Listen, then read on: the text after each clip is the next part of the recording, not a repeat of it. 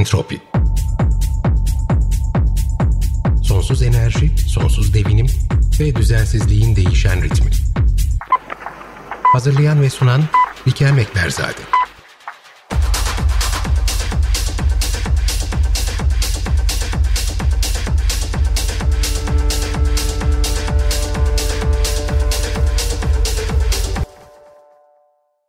Bir ekosistemin dayanıklılığı, o sistemin maruz kaldığı tahribatların yarattığı değişimlere rağmen tahribat sonrası toparlanma ve varlığını sürdürme hızı ile doğru orantılıdır. Bir sistem maruz kaldığı tahribattan ne kadar hızlı toparlanabiliyorsa ya da bu tahribata ne kadar uzun süre dayanabiliyorsa o kadar dayanıklıdır. Ancak her sistemin bir kırılma noktası vardır ve bu noktalar değişimin geri dönüşümsüz olduğu yerleri belirler ve her tahribat gerisinde illaki izler bırakır. Bu izler de sistemin yeni evresini şekillendirir. Az sonra konuğumuz İstanbul Teknik Üniversitesi Avrasya Yer Bilimleri Enstitüsü'nden doçent doktor Tolga Görüm'le karasal ekosistemlerde insan kaynaklı oluşan bu kırılma noktalarını konuşacağız. Bugün günlerden 16 Mayıs 2022. Entropi'ye hoş geldiniz. Müzik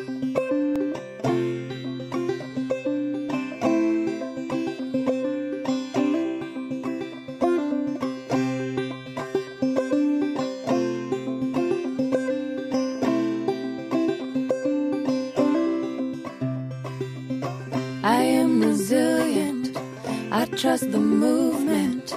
I negate the chaos, uplift the negative. I'll show up at the table again and again and again. I'll close my mouth and learn to listen. Whoa, whoa,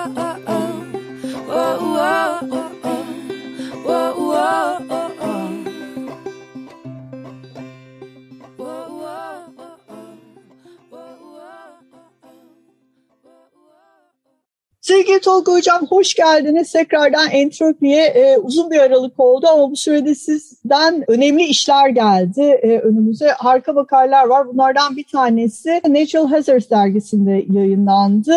Dört yazarlı bir makale ve e, gene sizin konunuzla alakalı yol yapımları kitle hareketleri açısından depremlerden daha tehlikeli olabilir mi? Makalenin Türkçe'ye çevrilmiş ismi bu. Hatta çok da ilgi gördü. Ben sizi yakalayamadım bir türlü ama benden önce Guardian yakaladı. Ee, orada da sizin makalenizle ilgili e, çok güzel bir e, yazı çıktı. Şimdi biraz önce hocam hem bunu konuşmak istiyorum sizinle bugün. Bunun detaylarını bize e, açıklayabilirseniz. Çünkü makalenin konusu aslında Arhavi'de geçiyor. Yani makalenin içeriği e, Artvin civarlarında geçen bir olay üzerine e, siz bunu yazıyorsunuz. E, ama bize geçen bölümde Deniz Bozkurt'la beraber biraz e, atmosferik nehirleri konuşurken Türkiye'de özellikle Doğu Karadeniz'de gerçekleşen e, bu son dönemde e, atmosferik nehirlerden kaynaklı olduğu düşünülen kar, kar erimeleriyle birlikte gerçekleşen toprak kaymalarından da bahsetmiştik. Föl rüzgarlarının da etkili olduğu bir bölgede. Ondan da biraz bahsedebilirseniz çünkü bu e, toprak kaymaları ve heyelanlar sizin ana konularınızdan bir tanesi üzerinde çalıştığınız uzmanlık alanınız. Madem Arhavi'ye gidiyoruz çok sevinirim. Sonrasında size bir iki sorum olacak ama şimdi mikrofonu size bırakıyorum hocam. Hoş geldiniz. Hoş bulduk. Teşekkürler Bikem. Şimdi konu ve ekip olarak biz aslında heyelanların ortama hem ekosisteme hem antropojenik olarak e, insanlara ve ekonomik kayıplar oluşturuyor biliyorsun heyelanlar. E, ağırlıklı olarak bir fiziksel süreçlerle yani bunları tetikleyen ve bunları hazırlayan koşullarla birlikte bu zararları inceliyoruz. Bunun yanı sıra uzun dönemde değişen iklim koşulları ve özellikle iklim kadar etkin olan antropojenik koşulların da değiştiği ve bu heyelanları özellikle arazi kullanımla bir, kullanımıyla birlikte heyelanlardaki artan ve episodik e, davranışlarını anlamaya çalışıyoruz. Son dönemde senin de dediğin gibi aslında Türkiye'de e, Deniz Bozkurt Hoca'nın da bahsettiği gibi bu atmosferik riverlar sizin de bildiğiniz gibi e, özellikle 400-600 kilometre genişliğinde koridorlar ve 1000-1600 kilometre boyunca atmosferdeki nemi taşıyabilen koridorlar. Bu aslında çok daha yeni bir konu. Amerika'nın batı kıyılarını çok etkin biçimde etkileyen Ömer Lütfü Şen ve e, Deniz Bozkurt'un, Yasemin Ezber'in de e, yazarı olarak bulunduğu Türkiye'de özellikle uzun dönemdeki yağışlarla ilgili veya atmosferik riverlarla taşınan yağışlarla ilgili çalışmaları da var. Fakat bu yıl e, şöyle enteresan bir şey oldu bizim için de bu gözlemleri yapma şansını bulduk. Biliyorsunuz bu yıl 2021-2022'ye bağlayan bu kış dönemi kar e, açısından yoğun oldu Türkiye'de. Evet yoğun bir kar yağışı yaşandı. Daha sonra da bu kar yağışını takiben Türkiye'ye iki farklı dönemde bir sistem girdi. Bu atmosferik nehirler sadece su buharı taşımıyorlar. Aynı zamanda enerji ve burada Afrika'nın orta kısımlarından aldıkları e, tozları da atmosferin belli bir üst seviyesinde Türkiye'ye kadar ulaştırıyorlar ki bu kar ların bulunduğu bölgelerde yansıma farklarından dolayı direkt albedosunda farklılıklar oluşturduğu için de bu tozlar ani şekilde de karları eritebiliyorlar. Bunun yanı sıra enerji taşıyan bu atmosferik koridorlar e, bize yağış değil bu dönem özellikle fön etkisini oluşturacak şekilde sıcaklık transfer ettiği için e, batıda işte Bolu civarında hatırlarsan Bolu tünelinde yaşanan bir heyelan vardı. Evet çok yakın Daha zamanda. sonra e, Bartın, e, ondan sonra Samsun, özellikle Ordu'da çok etkin oldu. Ki yer yer İstanbul'da bile hava sıcaklıkları 11-12 derecelerdeyken e, Mart ayının ortalarında ve sonlarına doğru sıcaklık değerlerinin 32,5-36 derecelere kadar çıktığı yerler rapor edildi. Bu ani kar erimesine sebep oldu ve bu giren atmosferik nehirler batıdan başlayıp doğuya doğru bir hafta içerisinde ilki geldi. Bu Mart'ın 15 ile 24'ü arası. Daha sonra kar erimesinin tetiklediği heyelanları gördük. Ve bu süre boyunca 800'ün üzerinde heyelan oluştu bizim takip ettiğimiz kadarıyla. Ve bu heyelanlar da yaklaşık 200'den fazla evi de doğrudan e, oturulmayacak e, seviyede etkiledi. Bu 800 civarında olan heyelan. Bunlar Ordu'da, Trabzon'da, Trabzon'da yine hatırlarsanız bir moloz akması gerçekleşti. Haberlere de yansıdı. Evet. Birkaç evi ve bir camiyi yıkan bir olaydı bu. E, dolayısıyla bütün bu e, uzun dönemde bu şeyi tetikleyen tabii ki kar e, burada çok önemli bir faktör. E, eğer çalıştığınız veya işte baktığınız dönem o yıl yoğun kar aldı Türkiye. Diğer yıllarda da mesela biz bunu 2005'te de görüyoruz. Örneğin 15 kişinin ölümüne yol açan su gözü heyelanı var. O da ani bir kar erimesiyle tetiklenen heyelan. O bölgede 60'ın üzerinde heyelan var 2005'te Mart ayında. Bu, bu tip heyelanların da yaşandığı 1991'de işte Trabzon, Giresun'da etkin olan, 2002'de yine Trabzon, Rize, Artvin civarında etkin olan, 2005'te Kelkit'te, 2002'de Bursa İnegöl'de yaygın şekilde bu atmosferik e, nehirlerin özellikle enerji taşıyıp ikinci ve üçüncü aylarda etkin olup herhangi bir yağışa rastlanılmadığı ama hava sıcaklığının gözlenir belirgin bir şekilde arttığı ve kar erimesiyle tetiklenen belli episodlar var. Bunlar da aslında bize sadece Türkiye'de yağışın değil kar erimelerinin de büyük e, heyelanlara sebep olduğunu ve bunun dikkate alınması gerektiğini biraz daha anlattı. Evet hocam ve bunlar bunlar aslında iklim e, yani antropojenik iklim değişikliğini de tabii daha şiddetlendirdiği belki ama iklim tabanlı gerçekleşen doğal afetler. Şimdi sizin makalenizde bu bugün konuşacağımız makalede e, dikkat çeken yön e, direkt antropojenik bir etki var bölgede. Burada yollar açılıyor, bir hidroelektrik santrali var. Ona gitmesi için ona ulaşım yolları da açılıyor aynı zamanda ve tüm bu yolların toplamının buradaki kütle hareketlerini yani toprak kaymalarını ve heyelanları tetikleyen heyelanların %90.1'ini tetiklediğinden bahsediyor. Yanlışsam düzeltin beni. Yok evet doğru. Bu, bu çok ciddi bir oran. Yani hemen hemen buradaki doğal afetler dediğimiz şey aslında insan kaynaklı gerçekleşiyor. Ve siz bunu inceliyorsunuz makalede. Ee, şimdi İklim olarak atmosferik nehirler evet onlar da zaten hani zaman içerisinde siz de gözlemlemişsinizdir. Bu e, yollarla birlikte olan e, parçalanma ekosistemler içerisindeki bir de üzerine iklimsel e, öğeler de bindiği zaman zaten gerçekleşecek bir şey belki daha da şiddetleniyordur. Ama Biraz bu Arhavi'de tespit ettiklerinizle konuşabilir miyiz? Biraz bize oranın geomorfolojisinden de bahsedebilir misiniz? Tabii ki. Ee, şimdi bu bölgede bizim ilgimizi çeken farklı dönemlerde bizim bu alana düzenlediğimiz özellikle 2015'teki Artvin Hopa'daki sel ve beraberinde onun tetiklediği heyelanlar ve heyelanlar konusundaki arazi çalışmalarında bu bölge geçiş esnasında bizim ilgimizi çekti.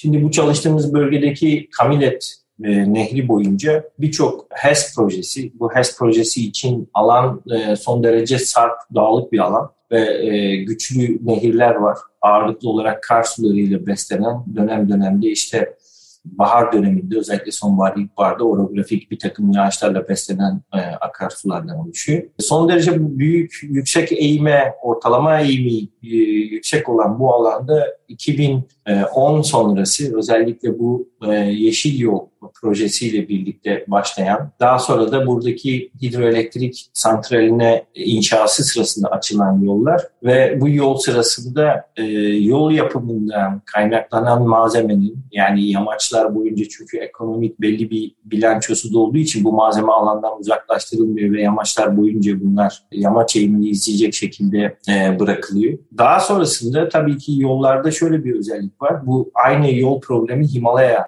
Nepal'de de var. E, şimdi e, büyük yol, dağlık alanlardaki yol projelerinde yol sonuçta eğimi doğrudan kesen ve belli bir diklik isteyen, dolayısıyla da hidrolik e, bağıntıyı e, koparan ve e, açtığınız dağlık e, yollar genelde belli bir yükseklik seviyesini yani yükseklik konturlarını veya eş yükseklik eğrilerini izleyeceği için ve eğime göre de tırmandıracağınız için yolları her yerde çok lineer davranmıyor ve eğimi belli bir noktada tırmanmak için e, çok fazla e, yoldaki ana eksende e, bir takım değişiklikler yapmanız gerekiyor. Bu buradaki suyun varlığını e, böldüğü gibi e, buradaki sedimenti de bölüyor. Veya işte bu yolları inşa ederek siz aşırı derecede bir sediment yükü çıkartıyorsunuz. Ki bizim burada gördüğümüz zaten dağlık alan olması bakımından heyelanlara karşı duyarlı bir alanda yol yapımıyla e, alanda var olan toplam heyelan varlığının %90.1'i e, burada yapılan construction'a yani buradaki yapılan inşa çalışmalarına bağlı. Daha sonrasında bu heyelanlar tabii ki siz malzemeyi açığa çıkardığınız için ve yollarda belli değişiklikler yaptığınız için yamaç koşullarında durmuyorlar, e, devam ediyorlar. Ve neredeyse burada yapılan yol inşaatı 6.7 şiddetinde bir deprem tarafından tetiklenecek heyelan miktarına eşit. Dolayısıyla aslında antropojenik olarak ortaya çıkan şu, e, insan doğada kontrol edemediği e, doğa kökenli afetler kadar etkin olabiliyor.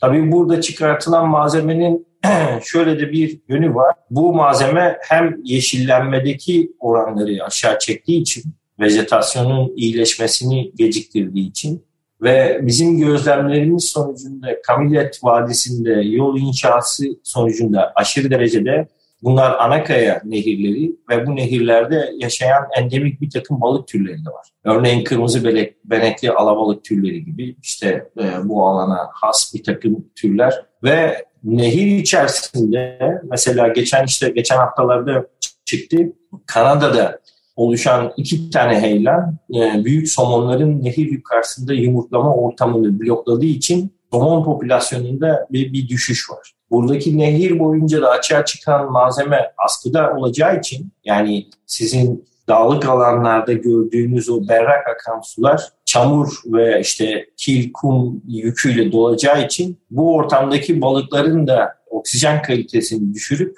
e, büyük yıkımlara veya işte bu alanı terk etmelerine de sebep olabilir. Dolayısıyla aslında görünmeyen birçok e, zincirleme bir etkiyle sizin bu alanda açtığınız yol aynı zamanda sadece heyelanlara sebep olmuyor, büyük sediment problemlerine sebep oluyor. Alandaki erozyonu arttırmış oluyorsunuz. Dolayısıyla e, aslında öngöremediğiniz çok daha büyük e, yıkımlara e, yol açabilecek bir seviyeye getiriyorsunuz. Kesinlikle aynı zamanda biyoçeşitlik kaybını da oradaki endemik canlıların da e, bir şekilde daha fazla strese e, tabi kalmalarına da sebep olabiliyor. Şimdi aynı zamanda hocam bu arada makalenizde çok güzel fotoğraflar da var. Siz zaten çok yoğun sağ çalışmaları sonrasında aslında derliyorsunuz çalışmalarınızı. Ben bu makaleyi de dinleyicilerimizle yayın esasında paylaşacağım. Burada e, çok önemli bir şey az önce bahsettiniz. Aslında birçok önemli şeyden bahsettiniz. Bunlardan birisi e, hatta, belki e, bu programın başlığı dahi olabilir. E, buradaki açılan yolların 6.7 şiddetinde bir depremle yani onların sebep olacağı kütle hareketlerinin benzer bir şekilde 6.7 şiddetinde bir depremle karşılaştırılabileceğinden bahsettiniz ama bir şey daha var. Onu da ben sizden dinlemek istiyorum. Sakıncası yoksa bu yollar dağ yamaçları yani dağın e, ya da e, yükseltilerin öyle söyleyeyim. Sizin de anlattığınız gibi 90 derece neredeyse üzerinden e, kesitler halinde gerçekleşiyor. Şimdi orada da tabii normal akış yönü e, bu yollarla kesildiği için birikmeler oluyor. Yine sizin de e, bahsettiğiniz gibi ama aynı zamanda e, bu e, dağların ya da bu yüksek alanların yamaçlarının stabilitesini de bozuyorlar. Öyle değil mi? Evet çünkü bu burada açmış olduğunuz e, örneğin yol gerçekleşmeden önce e, 20 derece 18 derece ortalama bir yamacın yamaç eğiminin yolla birlikte sıfırlandığını, yolun genişliğine bağlı olarak da e, üst akarsuyun oradaki kolları boyunca üstten getireceği katkı alanı ile birlikte ileteceği su Dolayısıyla bu yollar tarafından düz bir alan olduğu için bu alanlarda birikime sebep olacak. Ve biz bunu sahada da daha sonra uydu görüntülerinden, optik uydu görüntülerinden zamansal çok zamanlı yaptığımız analizlerde de gördük. Yol açılmakla kaldıktan sonra değil aslında yol yolun hemen altından başlayan birçok heyelanın varlığını tespit ettik. Dolayısıyla bu suyun bu alanlarda birikimi demek sizin boşluk suyu basıncını orada arttırarak e, sonrasında insanın getirip inşa ettiği ve doğal eğim koşullarını bozması sonucu birçok heyelanın da daha sonrasında yaşanabileceğini gösterdi bize ki e, yol yapımından sonra heyelan miktarı e, yine durmamış. E, yaklaşık önceki yolla birlikte başlayan e, heyelan miktarının iki katına çıkarak devam etmiş. Evet çok çok ciddi rakamlar hocam bunlar. Ee, bir, bir de siz e, şimdi zamanımız kısıtlı aslında sizinle konuşacak çok şeyimiz var. Ee, sizi yakalamak da zor çünkü çok yoğun çalışıyorsunuz. Ee, o yüzden böyle hazır yakalamışken konudan konuya atlıyormuşuz gibi olacak ama aslında benzer şeyler e, her ne kadar agresörler farklı olsa da e, bunları e, başlatanlar farklı olsa da bir de e, siz hocam orman yangınlarının sonrasındaki heyelanlarla da aynı zamanda ilgileniyorsunuz. E, ve bunlarla ilgili çalışmalarınız da var. Gene yanlışsam beni e, düzeltin. E, güneydeki geçen yaz özellikle gerçekleşen orman yangınlarının da uydu görüntüleri üzerinden tarihsel olarak da bakıp değerlendiriyorsunuz. Ne kadar alan yanmış bu alanın e, yanan alanların e, bölgeler, bölgelerine göre e, işte toprak yapıları, kaya yapıları nasıldır vesaire.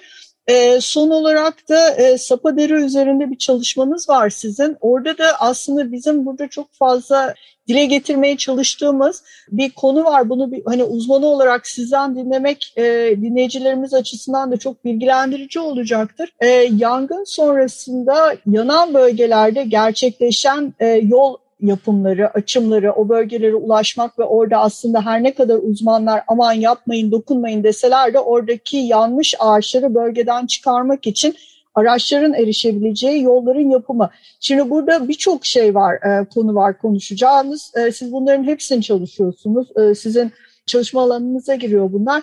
Ee, burada işte toprağın e, compaction dediğimiz sıkışması sonrası gerçekleşecek e, toprak yapı bozuklukları söz konusu. Orada alanın e, bu yanmış ağaçlardan arındırıldıktan sonra oluşacak yağmurlar sonra yağışlar sonrasında oradaki toprak yıkımı aşağıya doğru yukarıdaki işte e, kül ve tüf tabakasının aşağıya doğru akması vesaire vesaire. Aynı zamanda e, moloz akmalarını da siz inceliyorsunuz.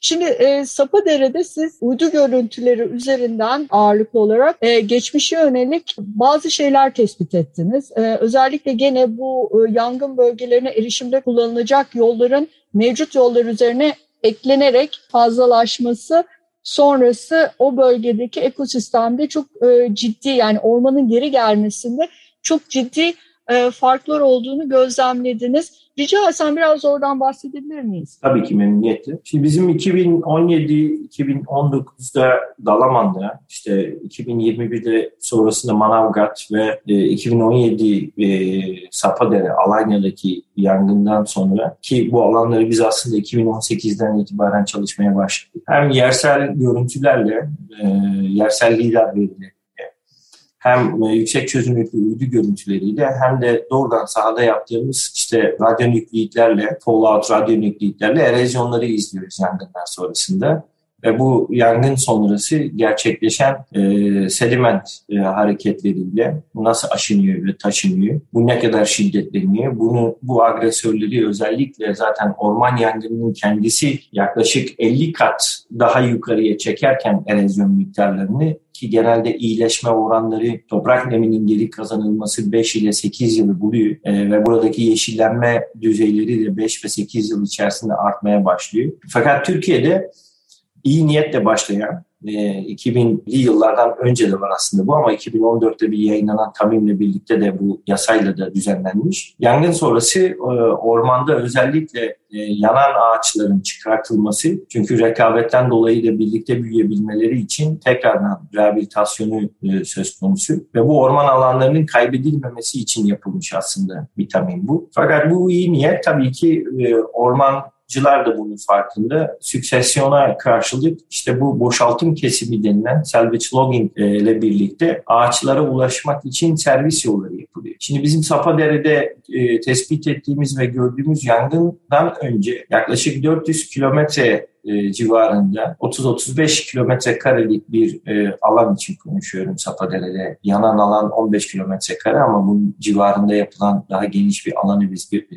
inceledik. Bu alanda 400 kilometre civarında olan yol sayısı yangın sonrası bir 500 kilometre daha eklenmiş. Toplam 900 kilometreye çıkartılmış e, ağaçlara ulaşmak için. Burası son derece sarp bir alan, yüksek bir topografya ve bu alanlara ulaşmak için de e, bayağı bir yol inşası söz konusu. Bu yollar tabii orman servis yolu. Bizim anladığımız anlamıyla geniş e, yollar değiller. Bu ağaçlara ulaşabilmek için dizayn edilmişler. Ve e, daha sonrasında da işte e, taraçalandırma, ee, ve bu yol sırasında oluşan ekskavasyonla birlikte çıkan malzemenin tekrardan yol kenarlarına serilmesiyle birlikte 28 kilometre karelik alanda örneğin e, toplam e, 1 kilometre kare moloz çıkartılmış. Bu molozlarda da biz iyileşmeyi normal hiç ellenmemiş ve müdahale edilmemiş yamaçlara karşı yani yol ve e, yol yapılmamış, moloz dökülmemiş alanlara ama boşaltım kesimi yapılmış alanlarda bizim gördüğümüz iyileşme miktarını, bitki örtüsünün iyileşme ve toprak nemini geri kazanma oranları bakımından değerlendirdiğimizde yaklaşık 5 ile 8 yılken hiç dokunulmamış yamaçlarda, yol ve moloz dökülmemiş, yol inşa edilmemiş yamaçlarda bu oran yaklaşık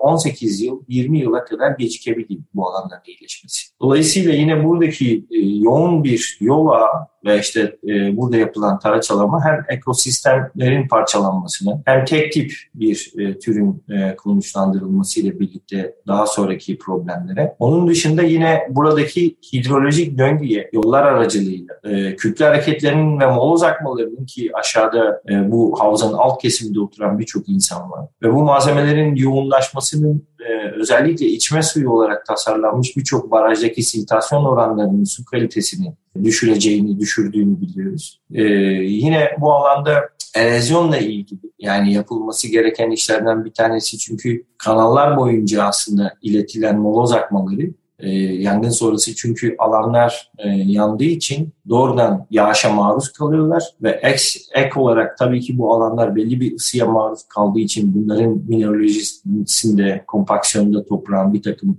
e, yağan yağış ve akacak miktar üzerinde doğrudan etkin oluyorlar ve buna hidroskopik bir e, zon deniyor. O yangın sonrası oluşan bu zonlara. Ve dolayısıyla da moloz miktarını çok çok arttırdığını hatta alanda hiç moloza karşı bir duyarlılık olmamasına rağmen buradaki olasılıkları yaklaşık 300-400 kata kadar çıkardığını, hele ki insan müdahalesiyle birlikte bu alanlara dökülecek ekstra çıkartılmış molozla birlikte e, bu neredeyse 500 katına kadar olasılıklar yükseliyor. Daha sonrasında da işte ikinci olarak bizim tabir ettiğimiz bu şeyler, etkiler e, gerçekleşiyor ki erozyon burada özellikle yüzey erozyonu e, en büyük şeylerden bir tanesi, sıkıntılardan bir tanesi. Çünkü oluşan zaten toprağın büyük bir kısmını da siz burada kaybediyorsunuz.